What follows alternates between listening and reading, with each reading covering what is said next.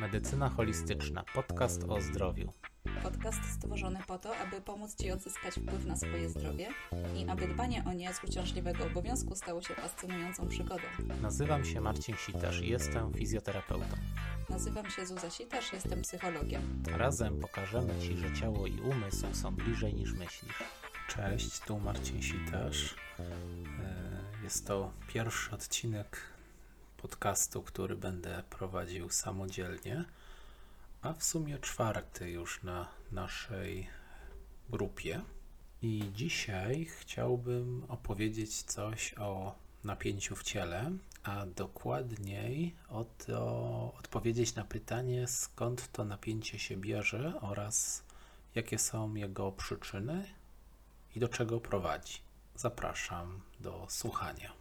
I zwykle, kiedy trafia ktoś do gabinetu, to zdaje sobie sprawę, że jego mięśnie lub ciało są napięte, i właśnie w tym napięciu widzi mm, sedno problemu. I też z jego perspektywy, z perspektywy pacjenta, sprawa wydaje się prosta, bo trzeba rozluźnić owo napięcie. Niestety nie jest to takie proste z dwóch powodów. Po pierwsze, przyczyn napięcia jest wiele, a po drugie, zwykle zwlekamy z wizytą u terapeuty, czasami nawet bardzo długo. A w związku z tym napięcie to ewoluuje, zmienia się. Owszem, może czasami samo zniknąć, lecz zwykle tak nie jest. I właśnie o tej zmianie, jak napięcie się zmienia w czasie, będzie główna część tego podcastu. Ale od początku. Skąd w ogóle napięcie się bierze? Otóż, tak jak wspomniałem, jest kilka przyczyn, które mogą generować yy, wstawanie napięcia i mają one różny charakter. Mm, Pierwszą grupą są takie przyczyny stricte fizyczne. Może to być jakaś nieprawidłowość w budowie ciała, może to być jakiś nawyk ruchowy, zwykle to jest na przykład jakiś nieprawidłowy sposób poruszania się. Mm, Załóżmy, że ktoś chodzi na, takiej, na takich sz- sztywnych nogach lub bardziej obciąża palce stóp. Mogą to być też jakieś czynności powtarzalne, jak praca, sport, czy jakiekolwiek inne czynności, które mm, są na przykład wymuszone w jakiś sposób i utrwalają jakąś pozycję w, w przestrzeni. Kolejną taką dużą grupą są napięcia o podłożu emocjonalnym. I od dziś wiadomo, że jeśli pojawi się jakaś emocja, to wywołuje ona jakiś rodzaj reakcji naszego ciała. I Lowen na przykład mm, uważa, że takie przetrwałe napięcie pojawia się w formie takiej zbroi ochronnej i zauważył on też, że osoby o określonym typie charakteru predysponują do napinania określonych grup mięśniowych. Ale to jest temat na inną rozmowę i wtedy opowie więcej na temat metody Aleksandra Lowena. Trzecią grupą to są wszystkie inne czynniki. Hmm, Mogą to być jakieś właśnie przeczulica, nadwrażliwość, urazy wszelkie, kontuzje, nieprawidłowa dieta nawet, toksyny, mm, choroby przewlekłe, infekcje, nawet brak równowagi hormonalnej. Mm, Wszystko to może spowodować jakieś niechciane napięcie w ciele. Jednym słowem, wszystko, co wytrąca e, z równowagi nasz układ mięśniowo-nerwowy, mięśniowo-szkieletowy, może skutkować napięciem mięśni wzmożonym. Jest go za dużo po prostu. No ale do czego prowadzi właściwie takie nadmierne napięcie? Czy nie mogłoby sobie ono po prostu być? No tak jak wspomniałem, zwykle mm, zanim zgłosimy się do gabinetu, zanim pacjent zgłosi się do gabinetu, to mija już dużo czasu. I to napięcie mięśni głównie zmienia się. Zwykle wygląda to tak, że działa któryś z czynników prowokujących i dochodzi do napięcia się jakiejś grupy mięśniowej i powoduje to zatrzymanie produktów przemiany materii w komórkach i przeszkadza w dopływie świeżych składników odżywczych. Można to sobie do zlewu porównać z wodą, zatkanego oczywiście. I ten korek to jest napięcie, ta woda, która nie może odpłynąć, ale już jest brudna po prostu, to jest właśnie te produkty przemiany materii, no a jednocześnie nie możemy wlać tam świeżej wody, no bo jest pełny ten zlew. No i mamy do czynienia właśnie z taką sytuacją. No jak patrzymy na tą brudną wodę, no to czujemy, no widzimy, że tego płynu tam jest dużo, czyli obrzęk w naszym ciele. No i patrzenie na taki brudny zlew to jest raczej dyskomfortowe. My też możemy czuć dyskomfort z nadmiernego napięcia, no i finalnie ból. Ból ten z kolei powoduje zwiększenie napięcia, a z kolei zwiększone napięcie znowu powoduje ból. No i to błędne koło prowadzi do stanu zapalnego mm, lub podrażnienia, czyli to jest już taki, najprościej można powiedzieć, że to jest taki ostry ból, który nawet uniemożliwia nam powiedzmy ruch, czyli pracę tą grupą mięśniową, która jest tym stanem zapalnym zajęta. I myślę, że każdy mniej lub bardziej czegoś takiego doświadczył i może sobie przypomnieć to i wyciągnąć to wspomnienie z pamięci. A jeśli nie, to niech sobie napnie jakiś mięsień i przytrzyma go chwilkę. I ten dyskomfort, to zmęczenie, które poczujesz, to jest jeszcze nie, nie ten stan zapalny, tylko wyobraź sobie, że ten cały właśnie rozlane, rozlane zmęczenie skupia się w takim małym, ostrym punkcie przy każdym ruchu.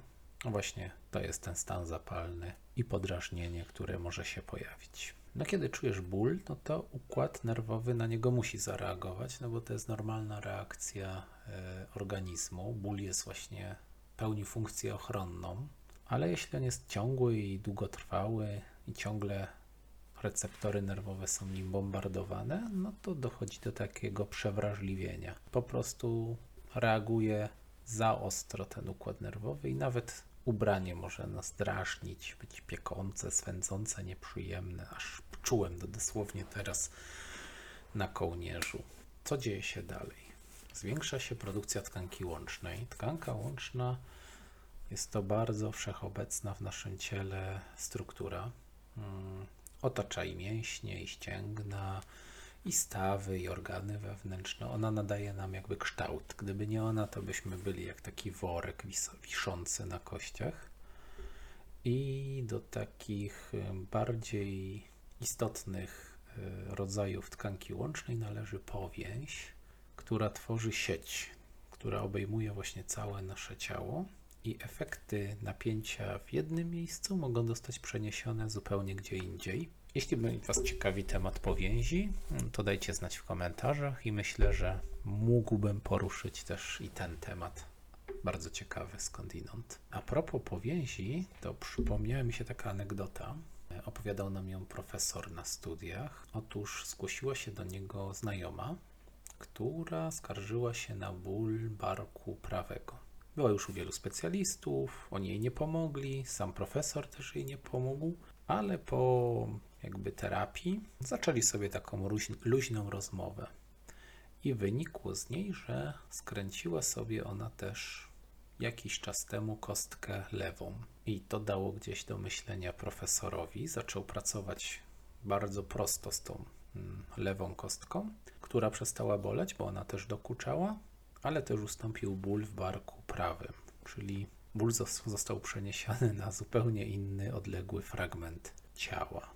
I właśnie z takimi sytuacjami możemy mieć potem do czynienia, kiedy napięcie trwa za długo, że już nie wiemy, gdzie to się w ogóle zaczęło, a boli nas coś zupełnie innego. Mięśnie ulegają usztywnieniu, to jest kolejny etap, a te mięśnie, które z tymi usztywnionymi współpracują, ulegają osłabieniu. To jest taka mm, reakcja naszego ciała i tak, taka sytuacja w jednej grupie mięśniowej powoduje szereg podobnych reakcji w innych, czyli zmienia się nasza sylwetka i postawa. Napięcie z mięśni potrafi wejść również w głębsze struktury, jak ścięgna czy kości, i tutaj mogą być na przykład pojawiać się i rozwijać zmiany zwyrodnieniowe.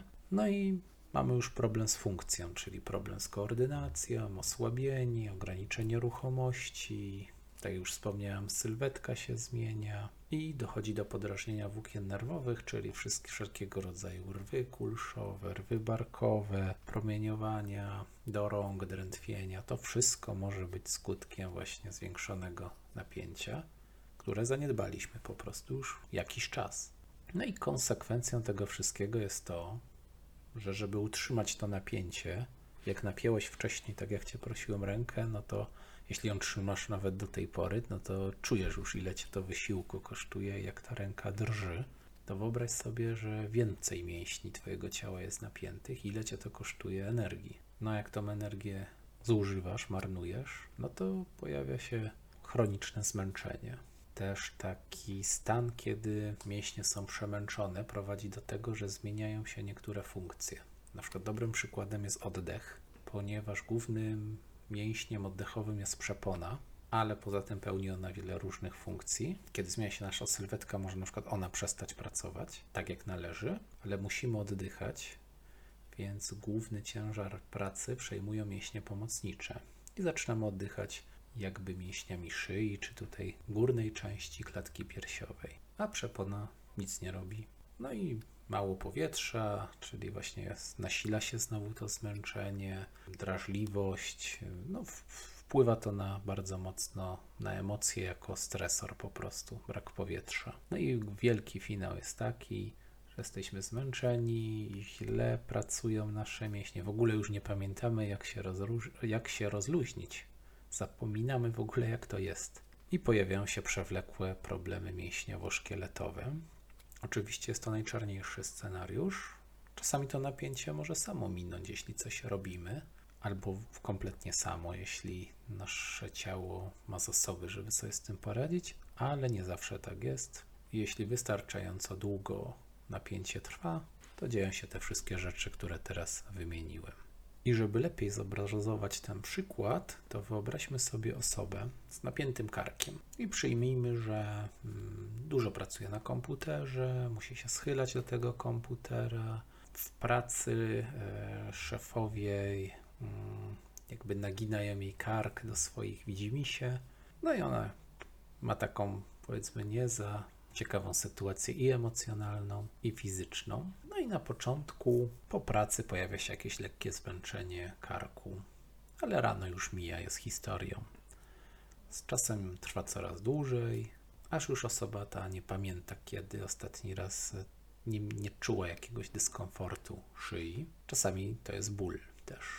Żeby się chronić, to zaczyna jakoś instynkt, instynktownie skracać te mięśnie, czyli unosi barki, chowa głowę między ramiona i skraca te mięśnie i napina jeszcze mocniej. Z czasem już, tak jak wspomniałem na, wcześniej, nawet kołnierz koszuli czy koszulki zaczyna drażnić ten kark, jest to nieprzyjemne. Dochodzi do rozrostu niektórych partii mięśni, inne ulegają osłabieniu. Cała sylwetka w ogóle ulega już takiemu przesunięciu w przód, zwłaszcza głowa. Ogranicza się ruchomość tej głowy i skracają się mięśnie klatki piersiowej, oddech staje się płytki, przepona nie ma gdzie pracować. Wszystko to wymaga dużo więcej wysiłku, nasila się zmęczenie, takie rozgoryczenie tym wszystkim. No i wtórnie jakieś inne już problemy. Więc tak w najgorszym wypadku może rozwinąć się przewlekłe napięcie mięśniowo-szkieletowe i nie jest to zachęcające. Może już doświadczyłeś takiej sytuacji, a może jakieś inne napięcie, jakieś innych mięśni ci utkwiło w głowie.